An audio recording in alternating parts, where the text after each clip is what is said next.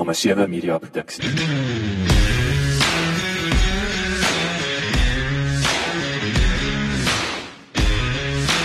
Welkom by die Klipkouer Spotgooi reeks waar ek gereeld gesels met entrepreneurs en impakmakers ten einde die beste praktiese advies met jou te deel. Ek is jou gasheer, Jacques Passon. En onthou om ons nuwe besigheid van landbou potgooi reeks genaamd Boerpot te luister. Laat die wiele rol. Die wyse waarop myne funksioneer is besig om radikaal te transformeer. Digitale oplossings help om 'n mynbouomgewing te skep wat veilig en volhoubaar is met 'n geïntegreerde werksmag wat stimulerende take verrig. Heinrich Becker is die uitvoerende direkteur van Krypton Mining, 'n innoverende maatskappy wat spesialiseer daarin om wêreldklas digitale mynbouoplossings in die Afrika-mark bekend te stel. Heinrich beskik oor uitgebreide ervaring in terme van besigheidsontwikkeling en spesifiek die definiering en implementering van besigheidsbevordering en optimaliseringsinisiatiewe. Volgens hom is behoefteanalise egter 'n deurslaggewende stap wat geneem moet word alvorens 'n maatskappy op 'n tegnologiese oplossing besluit. Lekker leer en lekker luister. Heinrich, welkom in die ateljee. Dis lekker om jou hierso te hê. Wat wat uh, voor ons wegspring van die klipkous moet weet jy's my buurman hierso in die R21. So dis baie lekker om jou hier langs hang te hê en natuurlik 'n great client. So ek wil dit net verklemtoon. Maar ehm um, welkom in die ateljee en uh, vertel ons 'n bietjie meer van jouself. Waar het jy groot geword? Wat is die pad wat jy gestap het tot waar ons nou hierso sit met Krypton Mining? Baie dankie Jacques. Dit is 'n voorreg om hier te wees om met jou te gesels dalk om mee weg te spring. Eerste ding oor myself is uh ek is nie lief ek 'n tipe onderhouder nie. Ek is nie iemand wat lief is daarvoor om oor myself te praat nie. Ehm um, Daar's baie ek moet sê daar's baie van julle, nee, dit is dit is interessant. Die baie die die die die interessante mense goed jy met hulle gaan uitgrou en dan moet jy inligting uitgrou, maar ek weet ek weet jy's 'n interessante man. So ek weet maar ons sal ons sal dit uitsort. Ons sal dit uitsort. Ja, ek het my tye, maar ek is maar 'n man, man van min woorde. Dit kom maar seker van my van my geskiedenis af, waar ek vandaan kom. Ek is maar 'n uh, mens kan nie sê eenvoudig nie, maar ek is 'n mens van die platteland af, plat op die aarde, kom uit 'n gesin uit wat in die landbou was. Julle boere, julle boere. Boere boerderybedryf. My pa was 'n boer, maar huisvrou in Gauteng, naby Bronkhorstspruit, Cullinan gebore, groot geword. Is is kan jy maar jy's 'n lig liggiese myner dan ook, is jy nie? ek trek nou weer nee, ek weet nou in welkom groot geword het wat nou regte myn hoop stad was, nê. Nee, Kalinin ek idee is is is dis ek proos pragtig daar en jy jy toerisme, ek neem aan jy die diamantmyn of ek wil sê is daai die lewensaar back in the day gewees of is dit maar boerdery? Interessant genoeg nee, kyk ons het altyd by die mynse winkel gaan koop, dit was die naaste winkel. Ja. Ehm um, aan die plaas, hy was so soos die ou mense gepraat het 16 myl noord van Kalinin in die plaas. Ehm um, generasies het daar geboer en weet op daai stadium het ek nie eens eintlik geweet van die myn nie. Ek het net geweet dis die myn se winkel. My mag. So dit was soos wat ek weet daar's 'n spar dink ek vandag op Kalinin. So daai was nou jou naaste supermark. Dis reg. So ons het altyd daar gaan ons aankope doen, verder maar jou naaste ehm um, winkel, plaaswinkeltjie. Ehm um, maar mynbou was nooit deel van ons generasie, ons ons bloed nie. Ons het dit nooit geken nie. So ja, toe later met die konsolidasie van Kwandebele het is ons plaas uh, plaas uitgekoop deur die regering, die familieplaas. Is dit 'n is dit 'n ek neem aan dit is 'n gemengde gevoelens ding, nê. Nee, aan die een kant neem ek aan die prys was lekker, aan die ander kant is dit nou weer die generasie die die die ek wil sê daai legacy komponent. Ja, kyk in in uh, dit het in 1983 gebeur al. Wow. Ehm um, dit was 'n baie produktiewe stuk grond gewees wat ons op goed gedoen het. Ehm um, Millies, wat? Nee, nee, my pa was een van die eerste ouens wat perskes op die hoofveld geplant wow. uh, het. Okay. Ehm um, tomaties. Ehm um, meer as 200 mense in diens gehad. Wow. Reg die tyd en eintlik was die plaas ongelooflik produktief geweest gedurende daai tyd. Maar die regering het basies gesê ons onteien jou of jy verkoop die plaas. Mm, mm, mm. Uh ons het verkoop en toe Bronkhorstspruit toe getrek en ek het daar verder groot geword. Nou jy vra nou 'n interessante vraag oor die plaas. Die een komponent wat daar verlore gegaan het is die hoe sou mense dit noem die emosionele gedeelte van mense stuk grond. Kyk van hierdie grond het 'n emosionele gedeelte en weet mense bly vasklou partykeer partykeer is verkeerde grond. Ehm um, maar jy het bloed maar jy het bloed in die grond daar. Weet Gerard Marit se seene daar gevestig en weet maar daai gedeelte het toe weggegaan. So daarna het my pa eintlik 'n groot sukses gemaak deur grond te koop, dit op te bou en sodra die grond produktief is of of die stuk grond is dan weer geswaai en nee, magte. Ehm um, eintlik het hy daardeur goed gedoen, mm -mm. maar hy het nooit daai dit om naderhand begin verveel en omdat hy weet sodra hy die stuk grond opgebou en produktief gemaak het, dan wil hy weer 'n nuwe uitdaging. Ja, en hy het, en hy het nie daai emosionele ek wil sê band. Ja, ek wou nou gesê het ehm um, boeie in die goeie sin van die woord. Dis gehad, ja. Yes. ja. Ehm um, ja, so het ons het ek daar groot geword, laerskool, hoërskool, baie lief vir sport. Ehm um, ek's gelukkig met ehm um, ek het nie daai akademies te veel gesukkel nie. Ehm um, maar ek het selfs tot matriek eindeksamen toe op die sportvelde rondgespeel. Van daar af universiteit toe eintlik bitter min blootstelling gehad aan die koöperatiewe wêreld. Hmm. En maar jy toe, ekskuus ek van jou rede. Ek wil ek wil gou twee tree terug gaan voor ek vergeet. Wat vir my interessant is wat jy gesê het, onteiening van grond in 83.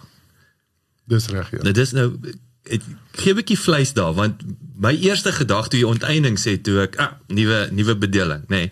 So daai tyd, hoekom? Wat is wat is dit? Hoe dit is dit is dit om met die regering vinger in die paai gehad het met daai grond met die myne? Wat wat is die gee ons vleis nee, onder? Nee, dit is die tyd van die TBVC lande wat die regering in gedagte gehad. So dis nou jou onafhanklike jou Bobotat Swanas, jou jou jou Transkei, Transkei, Siskei, Kwakwa. Dis Swazi, ja. wel, nie Swaziland nie. Ja. So KwaNdebele was toe was nou een van die substate wat uh, geïdentifiseer het en die plaas was in die middel, dit is baie naby aan die uit die hedendaagse KwaMatlanga. Ehm um, so die die Apanes en daai mense wie my pa en my oupa al groot geword het, dis die gemeenskappe met wie ons gedeel het en en, en met met wie ons saamgewerk het. So in daai tyd het die regering stukke grond uitgekoop om deel as as om deel van die tuislande te maak. Okay. Wat op daai stadium stadium geïdentifiseer het. Ehm um, Dis interessant. Ja, so daai tyd al is ons deur die hele emosionele ding van 'n gemeenskap wat tot 'n einde gekom het. Mm, ehm um, mm. Ja, jy is nie net grond soos gesê het nie. Dis ja. interessant, né? En en en weet jy wat van daai boere het julle nou kyk, dis nou natuurlik jare voor selfone en en sosiale media. Weet jy wat dit van daai ou plaas pelle geword het en en en die ouens net op 'n ander plek grond gaan koop want ek bedoel dit was seker relatief nog goedkoop in die, in in daai jare om ja, landbougrond ja. te bekom die, ja, daar's 'n redelik kontak gehou met die mense in die omgewing van hulle het nou meestal net na so 'n bietjie verder geskuif Bronkhorstspruit se kant toe, die Almas area van die mense het Kaap toe geskuif. Uh, maar deur die jare is die kontakte maar gehou.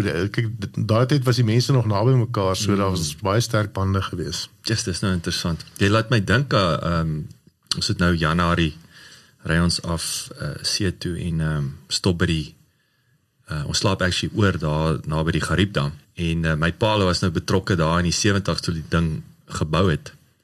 En uh toe vertel uh, my oom actually vir my my my oorlede oom dat uh, my pa my pa se landmeter gewees. En hoe hulle natuurlik daai boere nou toe hulle die Gariepdam bou of die vervoerdam toe sit jy weet nou gaan hy water opdruk in die boere. En en hoe die boere daai tyd nie almal nie van hulle my pa probeer braai dit nee nou dis 'n ding wat my oom altyd vertel my baie trots maak. Natuurlik op my pa en ek weet my pa was 'n swarte wit ou. Daar's nie grys in sy wêreld gewees nie. Hoe die boere die die breinkoevertjies want onthou as jy nou ekstra hektaar bysit nê wat jou grond nie is nie dan dan betaal die regering daarvoor nê so dit is ja dis interessant ja, ja interessant. Ek was nou my graad 1 jaar was ek in laerskool Hartbeesspruit. Nou ek was een van die laaste graad 1s toe. Dit toe was daar 23 kinders in die hele skool gewees. En dis dalk waar my oordrewe idee van dat ek kon rugby speel gekom het. Ek het al in graad 1 eerste span rugby. Jy laat jy laat van die blindes. Weet so ek ek het graad 1 eerste span rugby gespeel en uh ek onthou daar was een wedstryd gereël En toe ons die Saterdag opdaag, toe's van die mense siek, toe speel ons sokker teen die ou ander skool. Dit was 'n skooltjie van Ruste Winter gewees. Nou Ruste Winterdam Ja. my oupa het help Ruste Winterdam se wal bou. Weet ehm um, weet so dis daar was baie jare se geskiedenis Ja, en, en ja. so interessante jare gewees daar. Ek was nooit op in 'n kleuterskool nie. Dis hoekom ek sê ek kan tot vandag nie nonsens praat of rympies opmaak en sulke goed. Want- ek het ek het in die, in die bakkie geleer langs my pa. Dit is my voorskoolse My ervaring. magtig. So van daar af waar's die toe? So waar het jy gaan swat? Uh ek het by Tikkies gaan swat. En weer eens weens 'n gebrek half aan aan aan kennis van die koöperatiewe wêreld. Uh, weet jy, kom uit Bronkhorstspruit uit, jy het gehoor daar's 'n prokureur, daar's 'n bankbestuurder, daar's 'n jy het bietjie van bemarking geweet. Jy het En ons gehoor weet die dominee en die dokter, nee, Dominee en dit dokter, maar ja. ja. dis dis basies jou blootstelling wat Ja, jy gehad ja. het. Ehm um, ek kon glad nie Engels praat toe ek waarsty toe gaan basies nie. Ehm um, weet want Ja, jy- jy het so 'n natuurlijk. bietjie Noordse toe verstaan Yes. so maar op, die platteland het jy nie regtig Engels uh, kan ek sê blootstelling gehad. Yes, yes. Jy hoef dit nooit te gepraat het nie. Kom op universiteit nie seker wil ek ingenieurswese of rekenkunde doen nie en ehm um, toe begin ek bietjie meer blootstelling kry, weet dit klink maar as- seker soos die Engelse sê 'n hillbilly tipe ding, 'n storie wat mense dan ehm um, beleef en maar besluit toe om bedryfsingenieurswese te doen. Um, want ek kon nooit tussen die natuurwetenskappe en jou rekenkundige area nie en ek ek het altyd gevoel maar ek is nie tegnies genoeg aangelê om, om in jou suiwere wetenskappe in te gaan nie. Maar, maar ek het ek het weer baie goed gedoen in boekhou, maar ek was te, te bang het verveel my want as 'n mm. ou heeldag op die rugbyveld was of so en jy met elke dag daarna net na 'n stel boeke kyk en dieselfde prinsipe toepas, het ek gevoel dit gaan nie werk nie. Toe doen ek ingenieurswese, gelukkig koshuis toe gegaan op universiteit waar ek baie blootstelling gekry het. Was was dit 'n bomskok vir jou eh, Pretoria as as stad al, alhoewel ek ek sien dit as 'n groot dorp. Ehm um, daai tyd. Nee, ek moet sê die een ding wat my my pa het ons baie blootgestel aan die wêreld. Ehm um, ek was gelukkig geweest in daai opsig dat ek ek het as kind voor skool al 16 lande van die wêreld gesien. Just like. Uh ons het redelik gereis. Dis fantasties. Die hele land vol. Ons weet self ek is van kleins af geleer om nuuskierig te wees mm. en blootstelling te kry ehm um, op daai vlakke. So ehm um, dit was ook nie baie vreemd. Dis dis nie 'n storie van klim op die trein nou gaan jy groot stad toe nie. Dit Ja, dis glad ja, nie ja, wat ek dis- beleef het nie. Ek was lewenswys grootgemaak. Mm -hmm. Dalk die sosiale ding was was was nie so bekend nie, weet jy, Maar- jy het jy die ouens af in die straat geken, die ouens Ja. bo jou, maar daar dit was nie 'n vreeslike sosiale ding nie. Mm. Ewe skielik kom jy in die stad, jy's nie meer die middelpunt van alles nie. Ja, ja. Veral 'n koshuis, uh, bring jou vinnig aarde toe. Dis reg. daar in jou eerste jaar. Dis reg. Uh die aanvanklike reëling was dat ek net in my eerste jaar sou koshuis toe gaan, maar ek het dit so geniet dat ek uiteindelik vir 4 jaar daar gebly het en as ek kon ehm um, en nie 'n kwaai pa gehad het, het ek langer gebly, maar ek het gesorg dat ek my vakke deurkom. Ja, ek wou net sê jy jy jy moes geleer het anders sou jy nie seker reg, ja. 4 jaar kon bly nie. Ja, en as as ek dalk daar kan inkom, ek dink ehm um, een van die grootste dinge wat, wat ek geleer het van van kindsbeen af wat ek baie oor dankbaar is is ehm um, ek weet waar dinge vandaan kom. Ek het in 'n goeie huis groot geword, maar ek um, het geleer om dinge te waardeer en weet waar dinge vandaan kom en ook as kind geleer dat die enigste plek waar sukses voorwerk kom is in die woordeboek. Mm, mm. So ehm um, waar my maatjies weet selfs op op skool vakansies gaan hou het weet het ek op die plaas gaan werk. Ehm um, ek het amper gehoop dat die skool gaan uh, weer begin dat ek kan vakansie Want dat begin. jy kan rustig vat. Maar vandag is ek baie bly, mm, weet ek het so so so dissipline en en verantwoordelikheid is van van, van klein kleins af by my geleer. Tyd vir 'n het jy geweet insetsel. Palabora Copper, 'n filiaal van Palabora Mining Company, is 'n kopermyn met 'n smeltery en 'n raffinaderry gesetel in Palabora, Limpopo. Palabora is in 1956 tot stand gebring en is Suid-Afrika se hoofprodusent van verfynde koper met 'n produksie van ongeveer 45000 ton koper per jaar. Die maatskappy was besit en bestuur deur Rio Tinto wat 58% aandele terwyl Anglo American 17% aandele besit het. In 2013 het Rio Tinto verkoop aan 'n konsortium bestaande uit PMC wat 74% besit en Empowerment Partners 26% en het die naam verander van Palabora Mining Company na Palabora Copper. Sê gou vir my in in in in, layman's terms, wat se bedryfsingenieur? Die kortste antwoord is ek vir iemand moet verduidelik en ek gaan myself of dalk in die moeilikheid kry vir mense wat luister. is vir die bedryfsingenieurs wat luister. ek dink dit is een van die belangrikste dissiplines in vandag se tyd wat nie regtig na waarde geag word nie of dit is nie bekend genoeg nie. Nou jy jy kan as bedryfsingenieur in die vervaardigingsindustrie ingaan of in die motorindustrie ehm um, baie Maar wat ontwerp jy 'n kar nou? Kos kos vanaand in 'n kar nee, uh, nee nee, 'n bedryfsingenieur uh, hulle hulle spot altyd sê dit is bekom ingenieurswese. Die kortste moontlike antwoord is vir 'n bedryfsingenieur gaan alles oor effektiwiteit en doelmatigheid.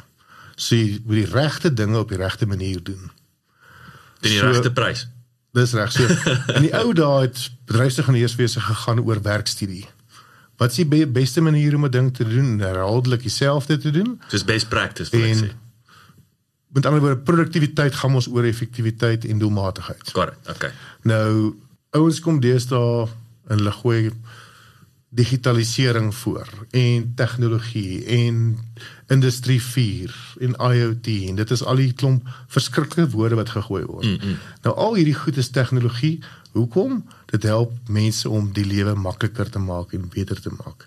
'n Bedryfsingenieurswese is 'n op bedryfsingenieurs se werk is om te kyk wat is die ou se doelwitte, wat wil hy bereik, wat wil hy met, met sy werk doen mm -hmm. en wat is daar beskikbaar om sy werk makliker te maak. Okay. So dis waar jou tegnologie inkom en dis waar ek baie keer die probleem het om te sê maar mense vergeet om eers na die mens te kyk en sy werksomgewing te kyk en te verstaan waar dit vandaan kom.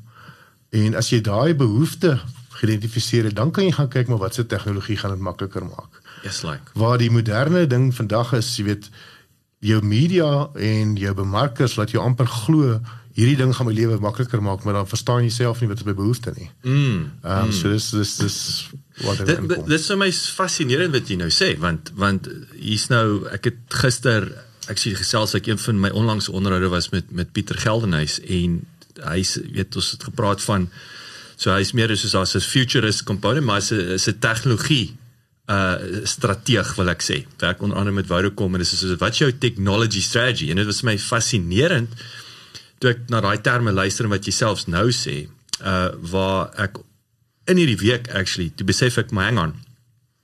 As jy veral gaan kyk na SME, so hierdie is ou nuus op op groot corporate vlak. Wil ek sê waar hulle gaan kyk, wat het ons nodig in die volgende 5 tot 10 jaar en dit is enigiets nee, dis van SAP uh, of gaan ons gaan ons eerder JD Edwards gebruik of gaan ons gaan ons Salesforce gebruik of of eerder uh uh Infusionsoft wat ook al nee, gaan ons zero sagte ware gebruik gaan ons ek dink nou weer aan Sage as 'n voorbeeld.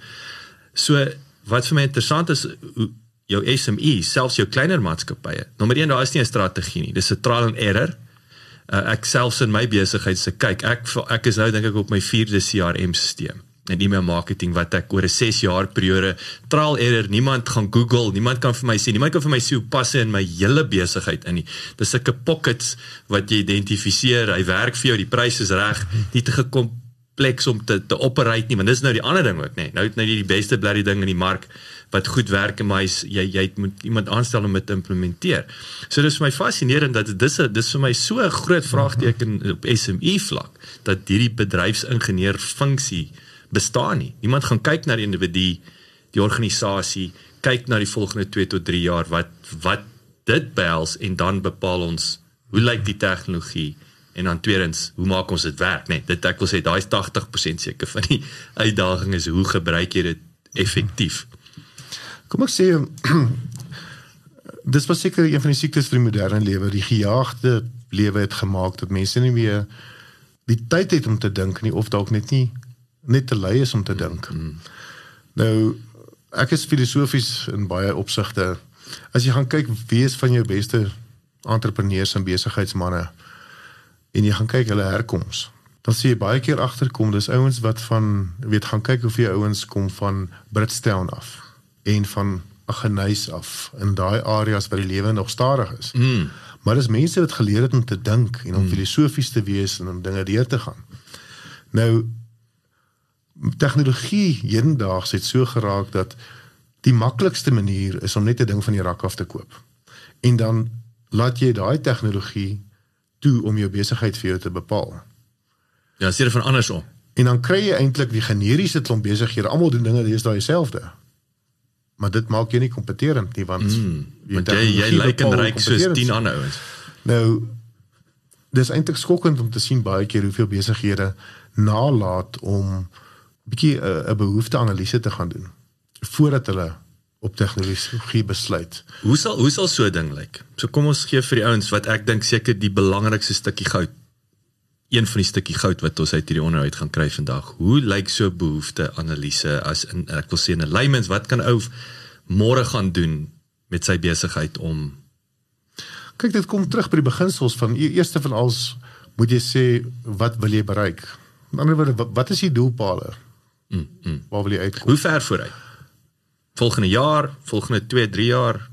Ek dink dit dit raak gevaarlik om bietjie verder as 3 tot 5 jaar te kyk want weet dinge verander well, so vinnig. COVID nou, nee. Ehm um, so dit raak amper ehm um, weg van strategies meer na takties. Mm. Maar weet en ek glo ook baie in militêre beginsels as ek goed, maar dit dit kom by die beginsel van as jy nie weet waartoe jy gaan en ek gebruik altyd weet ek het ek leen hom eintlik by een van my dosente wat ek op universiteit gehad het is is daar's die ou gesegde uit die boek um Alice in Wonderland. Mm.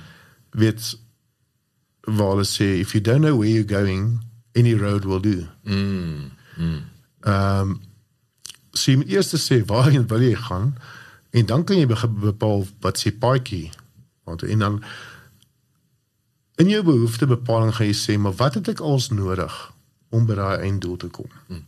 Op 'n personeel vlak op 'n tegnologie vlak op 'n besigheidsproses vlak. En dit kom alles weer eens by die definisie ook van uh, wat is die Afrikaans van capability? Uh, mm, vermoëns. Vermoë. Uh vermoë word bepaal besighede se vermoë word deur mense, proses en tegnologie bepaal. Nou as een van daai drie weg is en dit is waar een van die groot tekortkominge deesdae is waar almal net op tegnologie fokus dan val dinge plat mm. want dan het jy nie regtig die vermoë nie. So jou jou jy moet na jou mense komponent kyk, jou tegnologie komponent en jou proses komponent. Want as jy ook nie metodiek het nie, hoe bepaal jy of jy jou, jou eindpunt gaan bereik? Hoe hoe weet mense, dis dalk nou 'n trick question. Dalk sal nie antwoord nie. Hoe weet jy is dink jy daar is altyd sal jy daai die feit dat hierdie goed nie geïmplementeer is nie. Aan die ander jou jou jou mense weet dalk nie.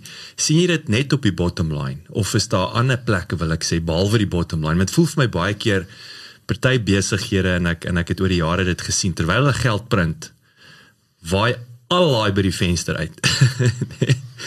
mense se vermoë tegnologie gaan nie gaan nie 1000 rand spandeer op op sagte ware nie. Gaan nie hierdie ou daai salaris betaal nie want ons print geld tot die pop op die fanstry. So vind vind jy dat dat is daar ander maniere hoe jy kan sien hier's probleme of hier's geleenthede. Kyk aan die einde van die dag gespreek in besigheid om geld te maak. En een van my ander gunsteling areas waarna ek fokus is is Goldratt se theory of constraints. Tyd vir 'n het jy geweet insetsel. Dr. Goldratt was 'n Israeliese opvoedkundige, skrywer, wetenskaplike filosoof en sakeleier.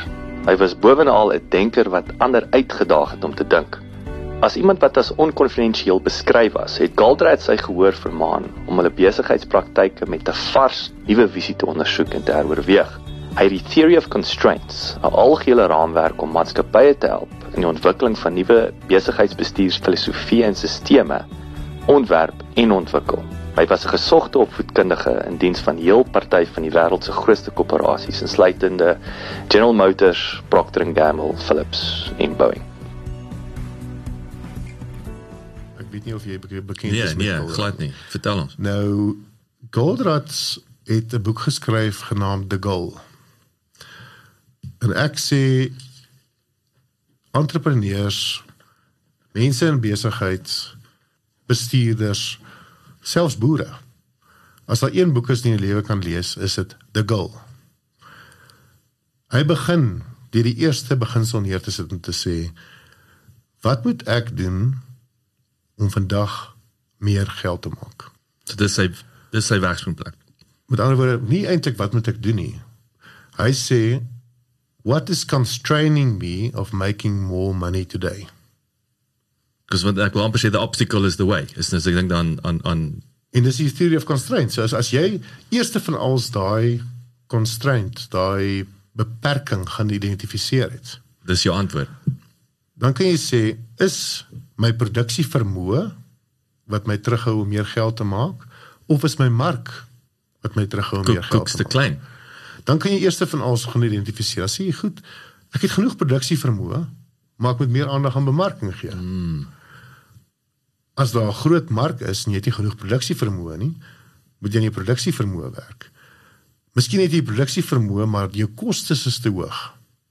Dan Jy want jy is nie effektiewe produsent nie. Mm. Ehm um, Sure. dan begin jy daai beperkings afbreek. En as jy jou beperkings geïdentifiseer het, dis niks anders as 'n behoeftebepaling nie. Hmm. Dan kan jy ingaan en sê, maar hoe gaan ek hierdie beperking aanspreek?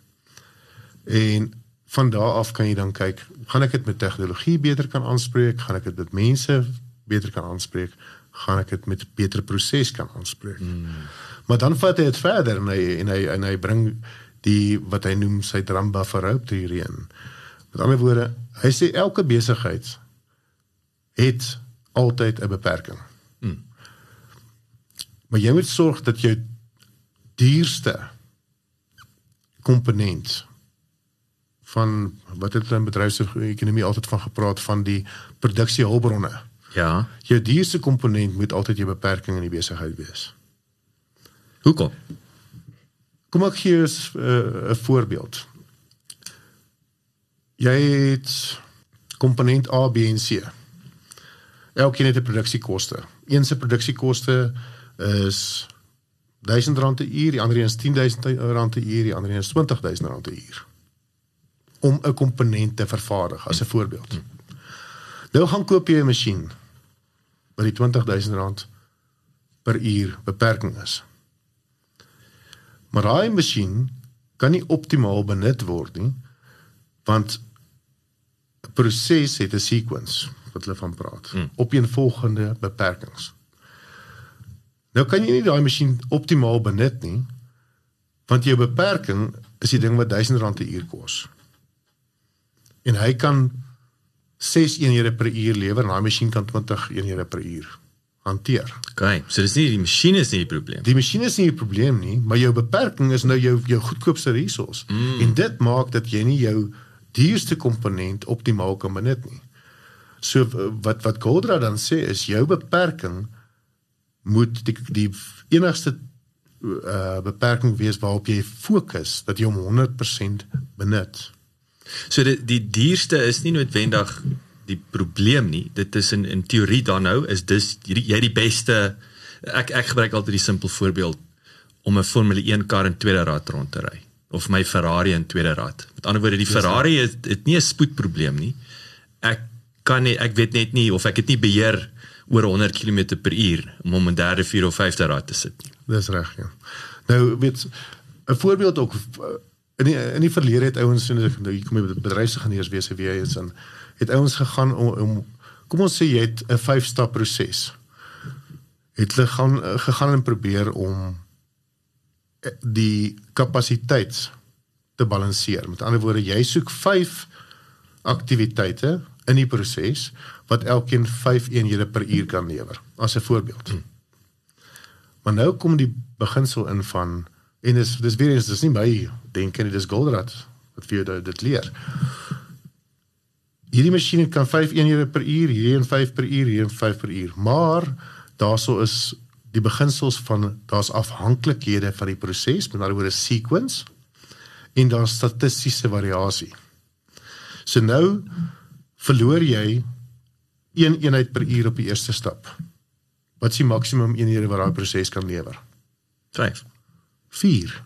Op ja, ekskuus, jy het verloor een, so Maar nou die is ander 4 4. kan nooit Ja. weer daai tyd opmaak nie. Ah, okay. of in die derde stap. En dit is waar die beginsel inkom en, en dis wat wat aanvanklik soos ek verstaan fout gegaan het by Saldanha Staal. Hulle het 'n presies gebalanseerde proses geïmplementeer, maar hulle het net by 60% van produksievermoë uitgekom. My hemel. Want dit- dit daai beginsel van as jy tyd op jou eerste eenheid verloor het, dan kan jy dit nooit weer opmaak nie. Nou kom Gordon en sê nee, jy moet 'n ongebalanseerde proses skep en maak seker jou duurste komponent is jou is is een. En dis waar jou drum buffer rope inkom. Met ander woorde, jy skep addisionele kapasiteit voor jou duurste uh, teiken sodat jy die tyd kan opmaak. Yes. Sou een van die ander komponente breek. En dan fokus jy al jou instandhouding vir jou meeste van jou instandhouding op jou duurste proses om seker te maak dat hy 100% optimaal benut word. Sjoe, dit hierdie is fascinerend. Dit is fascinerend. So kom ons reg, want ek wil ek wil by Krypton uitkom. Bedryfsingenieurswese het het die het die wêreld toe nou oop gegaan. Ek bedoel dit klink vir my toe jy nou waar jy kom en jy begin jy weet vars van die platteland begin jy ander goed sien hierso. So hoe het jy toe nou van daar af vertel ons daai storie hoe waar jy nou met Krypton begin het. Ek het 'n bedryfsingenieurswese gedoen, maar ek moet sê daar's van die goed wat my regtig verveel het. Dalk weet goed soos werkstudie was was half oudtyds. Hm. Dis nog steeds 'n baie belangrike beginsel om te leer. Ehm um, van die vervaardiging goed, ek meen ek het nie in 'n industriële huis groot geword nie, dit my verveel, maar ek het regtig aanklank gevind in stelselingenieurswese. Dis een van die velde waartoe waar mense kan beweeg in bedryf. Die ander is nou logistiek, ook en al sulke goed. Um, maar stelsel in hierdie geval is dit gelyk aan computers. Nee. Okay. Dis nou so ja, en fuck off. Dis ek kom ek dis dis dis dis dis 'n generiese term wat actually sulke interessante betekenis het. Ja, ja. Nou 'n stelsel is basies kom ons gaan gaan kyk na wat die liggaam, die ekostelsel. Mm. Dis klomp komponente wat saamwerk om uiteindelik 'n uitset te lewer. En as een van die komponente val, dan werk jou stelsel nie. Mm. Die stelselgeneeswese is weer eens 'n militêre beginsel is om die komponente binne die stelsel te identifiseer en alles in konteks te sien. Nou, ek sê altyd een van die belangrikste dinge wat min mense aan aandag gee is om dinge net in konteks te sien. Mm. Staan nie eens terug, vergeet om in die, in die in die detail in te delf. Staan terug en sê goed, wat is by van hierdie hele stelsel? Wat is die insette en wat is die uitsette? En jou uitsette word bepaal van hoe goed jou stelsel opereer en yes jou insette is mos nou die goed wat jy geïdentifiseer het wat nodig is vir die stelsel om te werk. Ja. En dis jou eerste beginsel ook by besigheidsoptimalisering en om te identifiseer wat doen jy wat onnodig is. Want elke ding wat binne in die stelsel gebeur, moet waarde toevoeg aan die einde van die dag vir die uitsette. So daai konteksbenadering en om aan dinge af te breek, ehm um, weer eens nou soek ek vir die taal. Dis wat, wat moeilik was. Ek moet noem op universiteit is ek moes ewe skielik Amerikaanse handboeke leer. Weet so uh, nou moet jy baie keer in Afrikaans praat, maar al jou terminologie in jou in jou bedryf is is eintlik Engels of so. Want jy net nie die die girl wat die goeie notes maak gaan identifiseer nie is 'n is 'n breakdown en ja, maar ek ek moet ook sê en as mens in die IT wêreld praat, behoeftebeplanning. Wie ken 'n leerbediener en 'n rugsteen ja, kopie en ja, seker dis dis 'n baie moeilike weet almal praat van backups en van servers. Natuurlik, dit is die Afrikaans. ja, so dit is dis wat moeilik maak maar ja, ja so ek het 'n stelsel ingenieurswese toe my ehm um, uneers gedoen. Maar ek het nog steeds baie lekker gespeel op varsity en ek glo nog steeds jou netwerke hmm en jou mensekennis is van jou grootste waarde wat jy eintlik op die op universiteit kry en uh, weet buite die netwerke en daar in jou en en en mensekennis is om bietjie streetwise te word mm. soos jy Engelsman sê. Universiteit moet leer jy om te dink. Vir jou basiese goed word vasgevang, maar eintlik dit leer jy om te dink en om gedissiplineerd te wees. Mm. Na stelselsingenieurswese het ek begin werk by 'n bedryfsingenieursfirma. Ek was baie gelukkig dat een van my dosente my 'n pos aangebied het. Toe lekker vroeg in die in die, in die diep water gegooi. Sien nou in um, Pretoria. In Pretoria. Toe ek onmiddellik begin weer eens stelsels ontwerp, biologiese vlak, dit vir die stelselsingenieurs of analiste oorgegee om om die fisiese ontwerp te doen. Uh, van daar toe raak ek so 'n bietjie weer eens ek, ek ek raak vinnig verveeld jou pa se eienskappe. Dinge tegnies raak seker. Toe begin ek fokus op op die kantlyn. Ek toe kry ek 'n belangstelling in John Zagman se werk. Nou hy is die vader van besigheidsargitektuur of soos hy dit noem enterprise architecture. Nou Zagman het in die 80s by IBM gewerk. Uh, ek dink hy was die CIO gewees en toe het hy gesê maar besigheid is een van jou mees komplekse dinge in die wêreld. En as jy 'n vliegtyg wil bou, dan jy wat noem wat hulle sê planne, jy het 'n blueprint vir 'n vliegtyg. Ja. En hy word tot op die kleinste komponent gedefinieer en dit is jou planne vir 'n vliegtyg en dan word hy gebou. Selfs as 'n huis gebou word, daar's argitektuur, daar's 'n blueprint, daar's planne. Dis sê hy maar besigheid het nie Blueprints nie. 'n standaard van hoe daar blou blueprinting gedoen moet word. Met ander woorde, wat hoe lyk jou planne van jou besigheid en dit moet mos bygehou word. As jy 'n muur afbreek in 'n huis, dan moet jy weet, gaan hierdie inval, hoe gaan dit dinge beïnvloed? En in besigheid is dit amper 'n duimsuig ding van en jy weet nie hoe om jou risiko's aan te spreek nie want jy het nie 'n blueprint van die besigheid. Hmm. Toe begin ek ek het vir die geleentheid gehad om hom te ehm um, self te ontmoet op 'n kursus by hom te wees en ek begin daar. Hy sê hy's 'n yank, hy's in Amerika. Dis reg. Toe is ook die ding van dit word toe geskaak onmiddellik deur die IT ouens. Weet as ouens enterprise architecture hierdie tyd hierdie dae hoor dan is dit amper die argitektuur op stelselvlak. Waar hy gesê het nee, jy moet heel bo begin. Besigheid. Jy moet die die en dit is eintlik heel eenvoudig. Jy moet die wie vrae kan vra. Wie, wat, waar, wanneer, hoekom? Yes. Ja, is ook 'n dis 'n omgekeerde we. Maar weer is jou, jou hoekom bepaal basies jou strategie. Met ander woorde, hoekom doen jy dit goed? Wanneer doen jy goed? Wie moet dit doen? Wat moet gedoen word en wat se data is betrokke? Ehm um, so al daai tipe van vrae en dan En en daai met daai hoekom voel vir my Heinrich, dit is 'n ding wat vir my die, die wie wat waar ek wil sê dis soos 'n goeie aksieplan, hè, smart, specific, measurable, attainable, time is realistic. But ja. the why bit, hoekom? Dit is vir my, dit voel vir my dis 'n ding wat ernstig missing is meeste van die tyd. Dis jou doelwitte. Want as jy iets doen en jy kan nie sê hoekom jy dit doen nie, dan dan bring dit mos geen waarde toe nie. Hmm. Dus sodra die hoekom vasgelê is, dan kan jy sê goed, dan moet iets gebeur. Wat moet gebeur? Wie moet dit dan gebeur? Wanneer moet dit gebeur? So daai vrae word gevra. So daai hele en dit kom terug by die konteks en weer in stelselingenieurswese van as al daai goed gekombineer word, dan begin jy die 1 + 1 is 3 effek kry. Okay.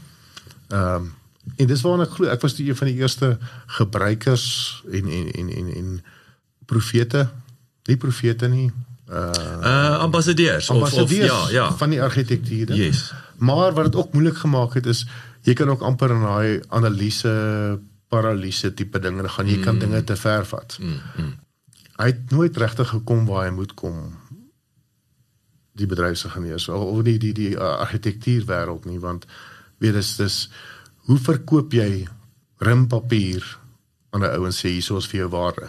Mm. Dis eintlik 'n beginsel wat elke entrepreneur moet leer van ek moet dit vir myself definieer want dit skep my denke. Mm. Maar as ek dinge wil verander, dan het ek iets om op terug te val. Jy dis dis nie iets wat in 'n laai moet val, moet kom nie. Dit moet eintlik So werkende dokument. wees. Jy ja. moet kan sien as ek hier 'n skei van 'n muur maak, hoe gaan dit my besigheid beïnvloed? Ja, toe het ek in daai gedeelte ingegaan en toe het ek by die inkomste diens uh met die vernuwing van SARS onder Pravin Gordhan hulle gewerk. Soos jy een van die bliksems wat hierdie ding so so laat so 'n well-oiled machine. Ek weet nie of hy nou nog so is nie, maar ons het ek het 'n rol gespeel. kyk ek sê altyd ek sê as as as as die regering die land ran soos hulle SARS ran, nee, is ons is ons die, die, die ja. topland in die wêreld. Ja, ja, toe ek daar rol gespeel meestal om die dissipline vir die mense te leer en om die tegnologie ehm um, wat ons ingebring het, mes mes kry spesifieke ehm um, gereedskapstukke, tools wat hulle noem AI tool om dit te doen mee. Van daar af het ek bietjie werk by binnelandse sake gedoen vir die paspoorte, ID boekie aansoeke, al daai proseswerk gedoen vir hulle. Ehm um, en by paar staats uh, departemente en toe later by Absa. Ehm um, miskien ek wil nou nie uh, ja, jy kan Name noem. jy kan hom jy kan hom soos 'n jy. rol gespeel ook in terme van om die dissipline te vestig. Ek Was sê- dit nou 'n post Absa merger of of of is Dit dit nou maar nou maar al dis al lankal in die gang. basies gedurende daai tyd. Okay. met die merger. Ehm um, wat ek ook baie ge, geleer het in terme van kulture en kulture wat nie kan saamwerk noodwendig nie want jy Ja, maar dit was was vier banke. Wat was daai daai? tyd? besigheidskulture. Yes. Ehm um, ja, kyk dit is dis is een van jou mees konservatiewe Britse maar uh, banke wat met jou mees konservatiewe Afrikaanse banke in daai Ja. ja, het volgens my nooit gewerk nie. Maar baie blootstelling gekry in terme van daai wêreld. Sparklies, nee, ek dink nou Dis reg. Dis natuurlik. Sparklies wat wat groot um, chunk gekoop het en toe verkoop het. Maar toe maar seker ook as gevolg van my agtergrond en boerdery agtergrond wat mense ook leer, weet jy, jy jy's so 'n bietjie van 'n rebel, jy wil jou eie ding doen. Mm. Toe sê ek eendag vir myself, ek is nou net moeg vir banke se red tape. En wat is naderhand ook 'n geval van dis konsultant op konsultant op konsultant en elkeen het sy eie speletjie en sy eie doelwitte wil bereik. Nou gaan doen jy 3 maande se werk, dit eindig in iemand se laai, maar nou het 'n ander konsultant weer met 'n ander plan gekom, dit word nooit geïmplementeer nie.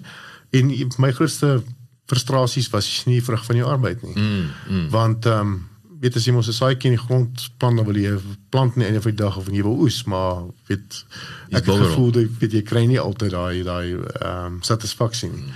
En toe kry ek die geleentheid in die mynbou sektor om 'n stelsel wat basies jou produktiwiteit maksimiseer op 'n myn uh wat ons noem vlootbestuurstelsels ehm um, te bemark en dis waar bedryfsingenieurswese ingekom het van ek meen dit gaan oor produktiwiteit optimalisering en koste optimalisering. Toe kry ek geleentheid om daai stelsel reg oor Afrika te bemark en 'n lekker 5 jaar daar spandeer. Jy het nou jy het nou verskeidenheid. Jy travel. Dis reg ja. Jy jy maar kon jy darm die die milie sien opkom. Dis reg ja, ek ek het ehm um, redelik sukses behaal. Uh nie dat ek sê ek is van van nature 'n bemarker nie. Dis een van die laaste dinge. Ek ek is ek kan nie sneeu in 'n Eskimo verkoop nie. Ehm um, maar ek moet sê ek dink ek het sukses behaal deur uh, baie keer die eerlike roete te gaan. Deur uh, weet uh, ek sê altyd mense doen besigheid met mense.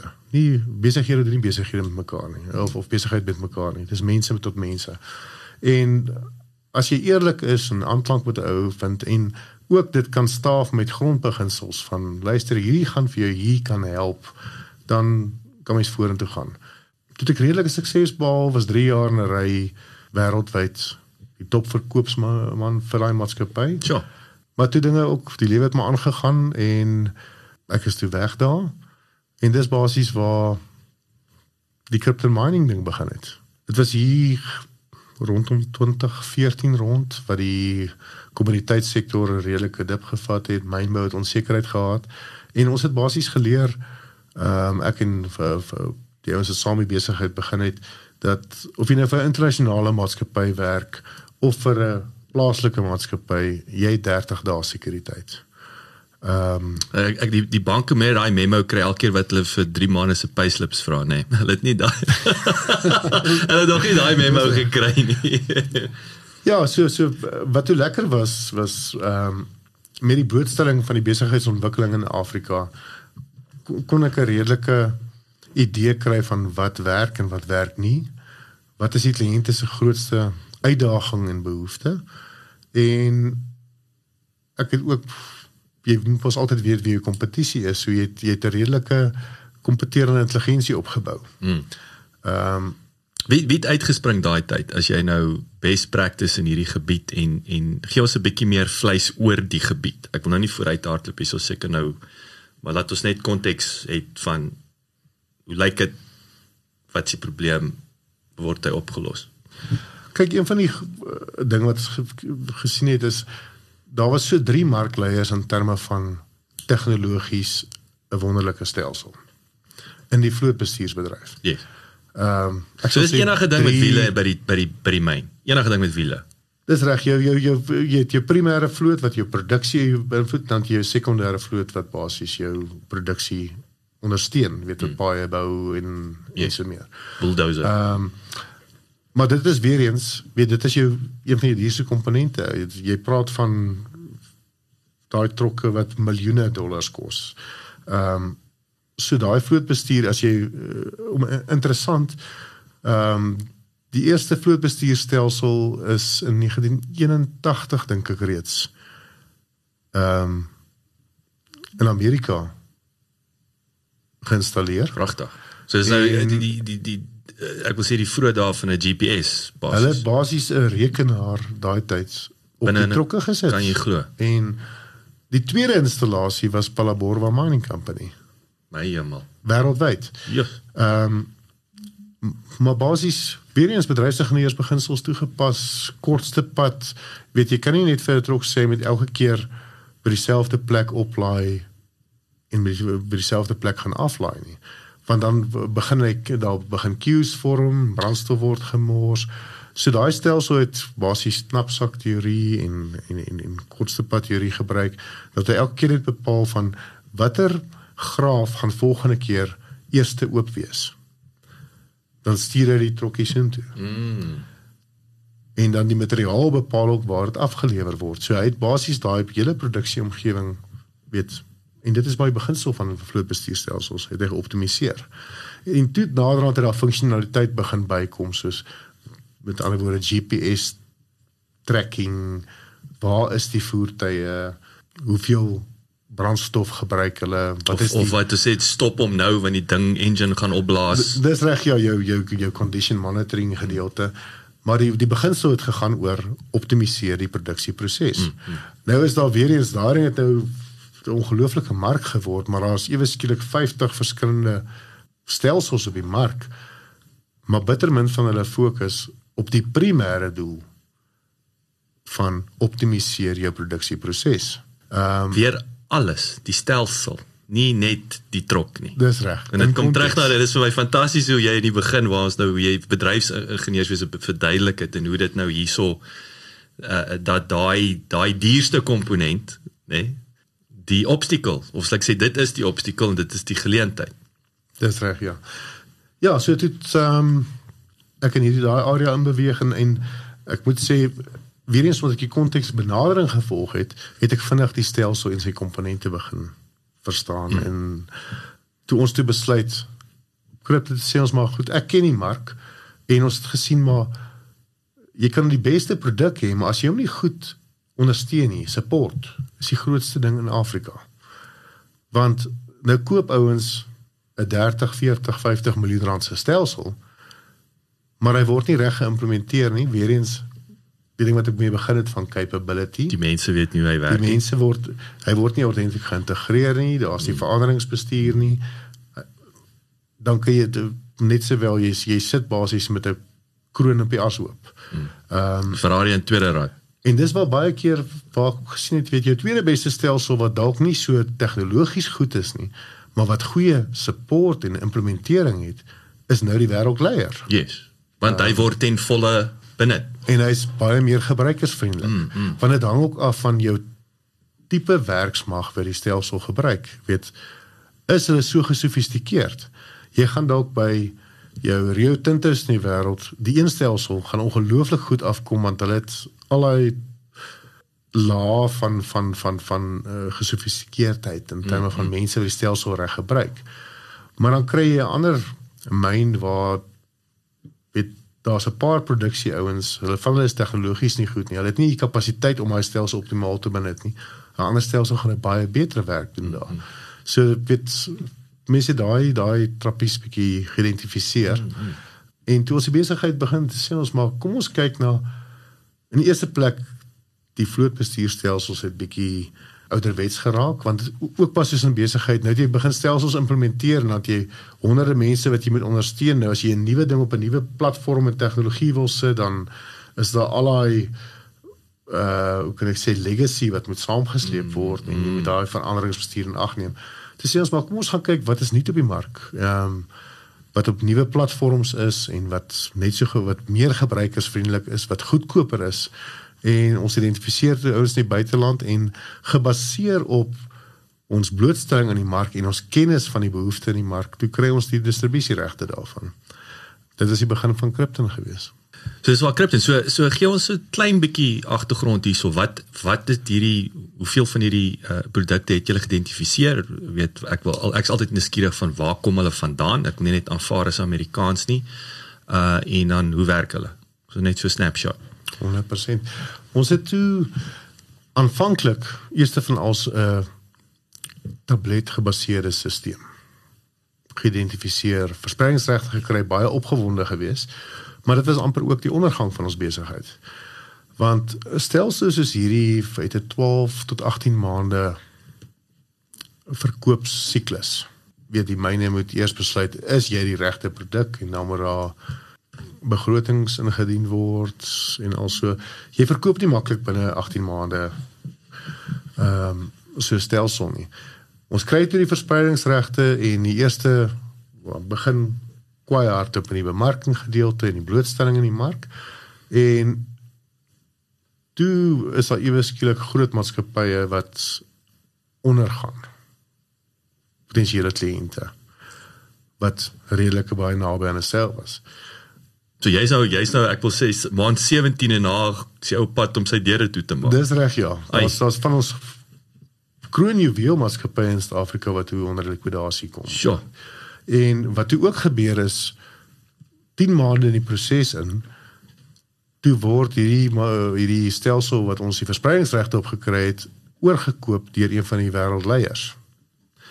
So dis nou weer die plus kant. Maar al, alhoewel of hulle gaan wat hulle like wat hulle het Maar wat ons toe tref is hulle wil dit nie deel van hulle produkbandjie maak nie want hulle was meer agter van al die ander tegnologie aan yes. en ons kon toe nie op nuwe terme met hulle kom nie.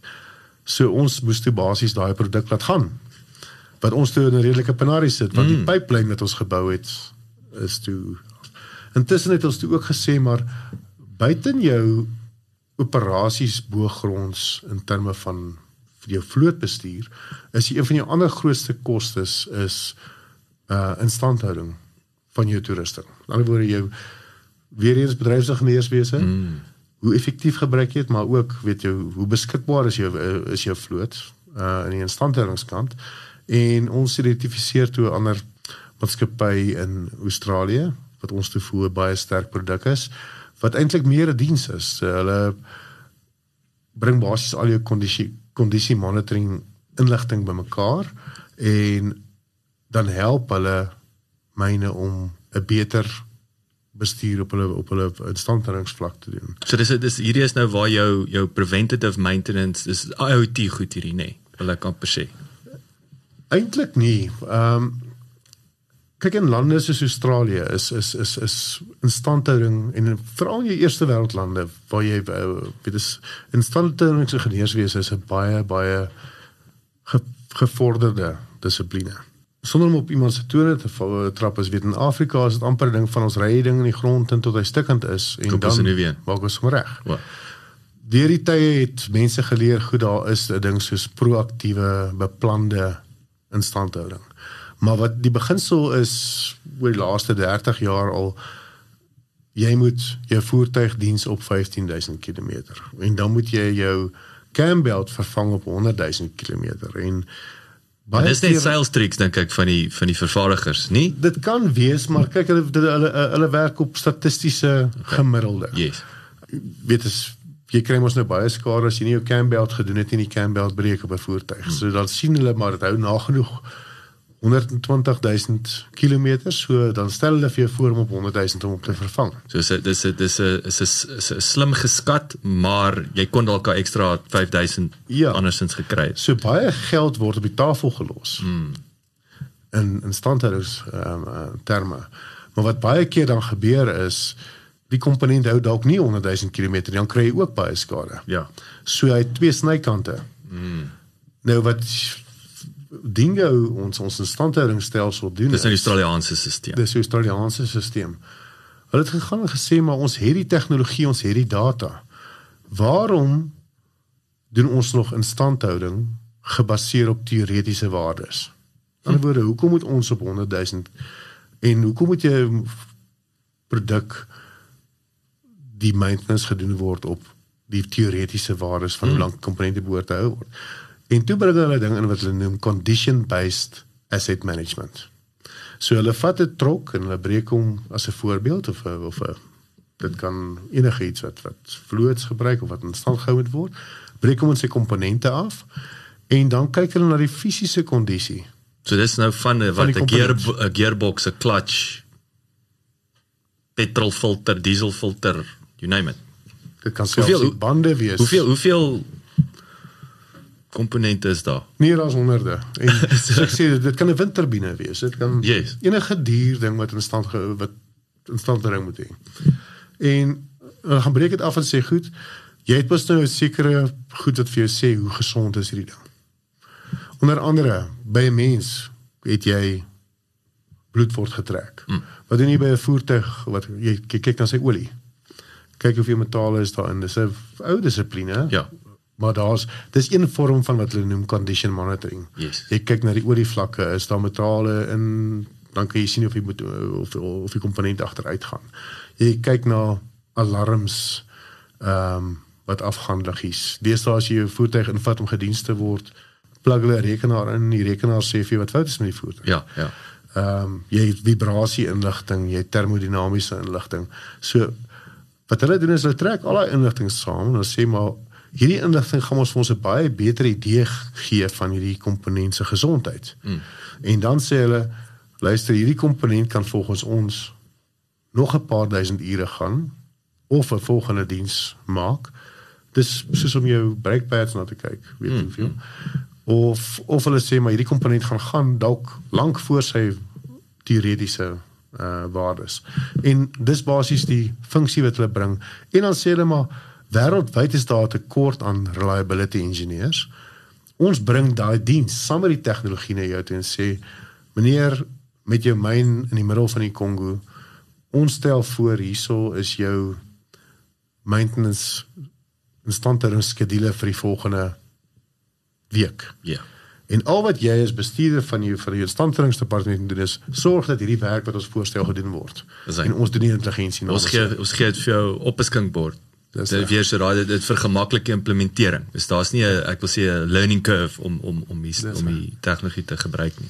So toe ja, toe kry ons daai stelsel ook weer eens maar uit 'n uh, redelike um, siklus. Mm -hmm. Ons het ook nie as maatskappy weet daar daar is nie baie fondse of ons het nie blootstelling gehad aan aan fondse vir investering. Mm. Jy weet so ons het nie baie gehad om terug te val nie. Ons het self die besigheid befonds van die begin af. En natuurlik jou jou jou die kompleksiteit van jou startup was jou lang sales cycle wat jy Dis reg. so dit alles kom terug na dit toe wat jou ja. Ons was aan, aanvanklik bietjie ooroptimisties en so ek sê ons het amper ondergegaan Sure. as gevolg van dinge. Maar toe werk dit ook uit op 'n ander manier. Toe sê ons maar uh, toe toe kom van ons kliënte na ons toe en sê maar ons het 'n uitdaging om nuwe projekte en inisiatiewe te loods. Julle ken weer mense wat daai inisiatiewe kan loods. Mm. En ons het reeds 'n investering gemaak op 'n op 'n vlootbestuurstelsel, maar hy word nie optimaal benut nie. So verskaf ons met mense wat die ding stelsel beter te so sê wat hit the ground running. Dis reg. Mm. En dis toe ons in die dienste sektor begin inkom het.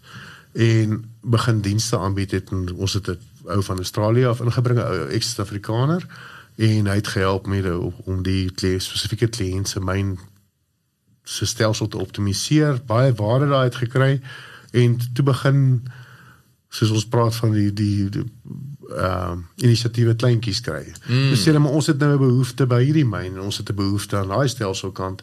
En toe kom ons agter maar ons het die vermoë om die reg met ons netwerke en kennisse wat ons nou opgedoen het wêreldwyd om die regte tipe mense te identifiseer om 'n werk te doen. Mm.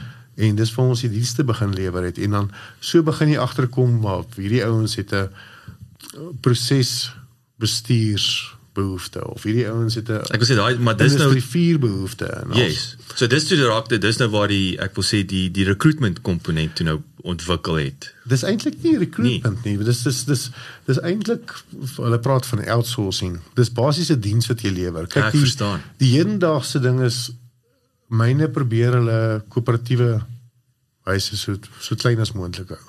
Want dit maak vir geen besigheid sin om 600 mense op hoofkantoor te hê en dan dan is daar 'n projek, dan is daar nie 'n projek nie en en en aan die einde van die dag jou mense kry nie genoeg blootstelling nie en jy moet daai mense dra. Dra. Ja. So, So daar's nie 'n variable cost nie, dis 'n fixed cost en dis 'n probleem in die moderne era veral in mynbou. Nou is die behoefte die die ouens identifiseer inisiatiewe en projekte en dan word uh, begrotings vasgemaak.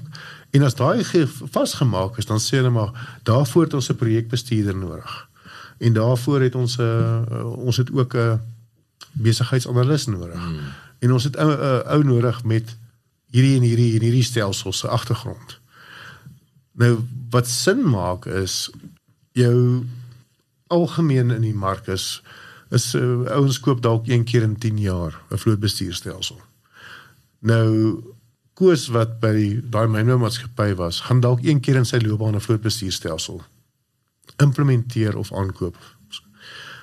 Waar as jy die diens vir die myn kom lewer en jy bring 'n ou wat al ses sulke stelsels geïmplementeer het, dan gaan hy mos die regte vrae vra mm. en hy gaan die regte ding doen mm. van die mm. begin af. Ja. En dit is waar die voordeel kom van jy speel 'n rol op jou kliënt se eienaarsvlak. Met ander woorde, jy's deel van hulle bestuurspan. Ja. Maar jy ja. bring die regte skills. Yes. Weet as dit kom by mynboubeplanning, 'n ou met die regte sagte uh, sagte ware agtergrond. Daar's nie meer tyd in die hedendaagse ekonomie vir 'n ou om nou eers deur 'n leerkurwe te mm, gaan. Mm, mm, mm.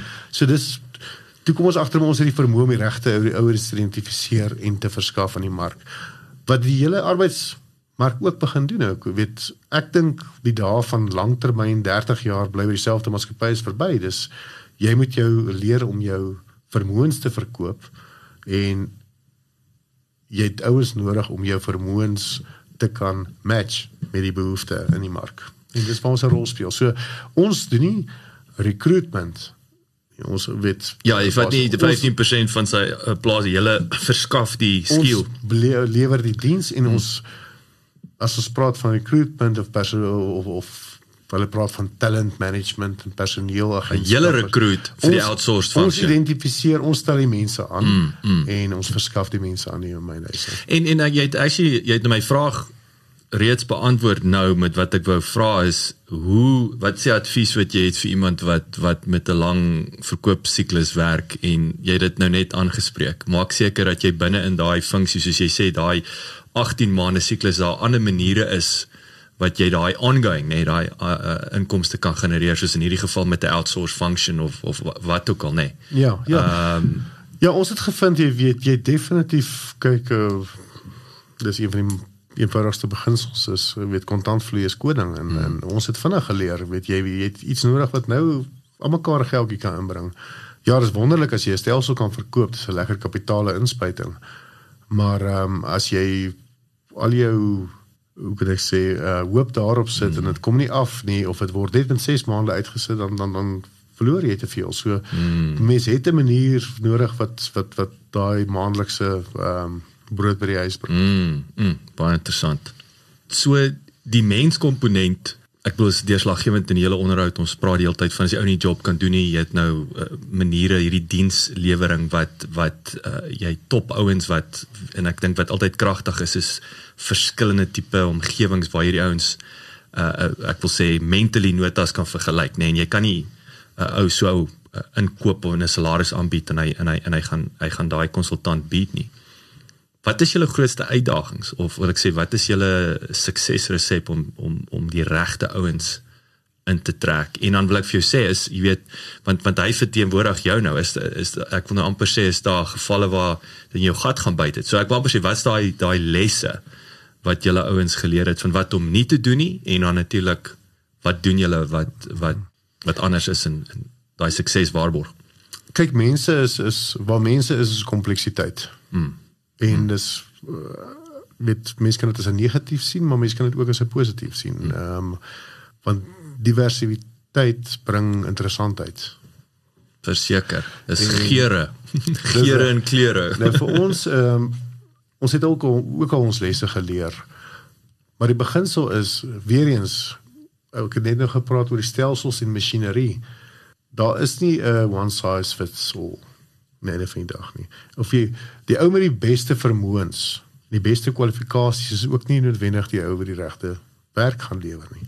So mens moet 'n kriteria kry van wat is die belangrikste hoe mens die match kan doen in terme van daai spesifieke situasie. Mm. Ehm um, nou ons het geleer weet van jou beste hulpbronne en mense kan glad nie in die mynbouindustrie werk nie want hulle hulle pas nie in die kultuur in. Mm, mm. Jy moet seker maak daar is 'n redelike fit in terme van in die kultuur inpas. Ouens wat dalk in die banksektor gewerk het, maak dit glad nie. As 'n voorbeeld in die mynbouindustrie nie, want weet dis dis heeltemal 'n ander uitdaging en 'n ander omgewing. Dis daar's dalk 'n frustrasie ook, weet in die mynbou moet jy baie keer van A tot Z doen, hierdie ou net A tot C gedoen in die, in die banksektor. Mm, hy het 'n blootstelling gehad en weet daar's daar's 'n groot uitdaging in terme van, van om om om daai matching te doen. Dan is daar ook die tipe tipe mense mense kry en dis waar ons ook geleer het, weet as jy vir 'n koöperatiewe maatskappy werk, dan sien jy baie keer in op websites en in die dokumentasie wie die die values en waardesisteme mm. goed en dit word baie keer baie lig gesien. Maar ons het van die begin af 'n sterk waardesisteem geïdentifiseer en gesê maar weet ons wil pertinent wees. Ons wil uh nou wil ek al weer van Engels na Afrikaans toe gaan. Ehm um, maar ons wil realisties wees. Mm, ons mm. wil honorable wees. Ehm um, En ons het 'n paar sulke waardes neergesit en ons probeer alles wat ons doen daarin meet. En as ons mense identifiseer, probeer ons hulle ook hulle filter hulle daardie. Filter volgens daai waardes. Mm, mm. Want dit is een van die enigste dinge waarop jy kan terugval van as hulle met jou waardesisteem saamstem, dan is hulle baie keer weet 'n goeie fit. Ja, ja. Ehm um, en dan kan mens vorentoe gaan as 'n besigheid. Ons het 'n baie eenvoudige filosofie in terme van jy weet ek ek glo jy kry net een kans. As jy 'n tender doen, jy het een kans om gekies te word. As jy aflewerbare het, jy het een kans. En as jy jou naam verloor, is dit baie moeilik om op terug te kry. Mm, mm, mm. So dis uh, dis die tipe dinge wat yes. ons in in plek probeer kry. So daai ware stelsel en en mensseleksie is ongelooflik belangrik vir ons. Ek dink en dis en ek sal dit laaste eh, aanmerking maak. Dit dit dit dit, dit kom vir my terug na daai weer eens eh, wat ons aan die begin van die onderhoud bespreek het van bepaal die waardes, bepaal die strategie, bepaal die jy moet gaan sit en dink. En ek dink dit is wat ons wat uh, ek het 'n paar keer die afgelope 2 of 3 weke wat ek van Henry Ford weer gepraat het wat hy mos gesê het thinking is the hardest work there is that's why so few engage with it, nê. Nee. So dis weer daai kom terug en dink en kyk wat wat wat is ons waardes? En ek dink te min ouens doen dit, nê. Nee. Soos jy sê of is net fluff wat gekat en paste is op 'n webwerf en dit dit beteken niks nie of dit word nie as 'n filter gebruik nie. Dis reg. Ja, die die beginsel is jy weet ehm um, as almal alles dieselfde doen, dan gaan er nie 'n uitskieterende wenner wees nie. Jy weet jy moet teruggaan en gaan sê, maar wat maak my anders? Wat maak ons anders? En 'n maatskappy is ook net, jy weet dis dis nie 'n naam nie, dis nie 'n struktuur nie. Die mense wat daar binne werk, dit is die maatskappy. Mm, mm. Hulle bepaal hoe kompeterend jy is. Heinrich, dit is fascinerend baie dankie. Dit's 'n baie lekker onderhoud gewees en uh sterkte vir die laaste die pylfak van van 2021. Baie dankie, Jock. Baie dankie dat jy geluister het. Vir 'n opsomming en notas van die episode, gaan asseblief na ons webwerf www.klipkouers.com en teken sommer in terwyl jy daar is, dan kan ons jou gereeld op hoogte hou. Baie dankie.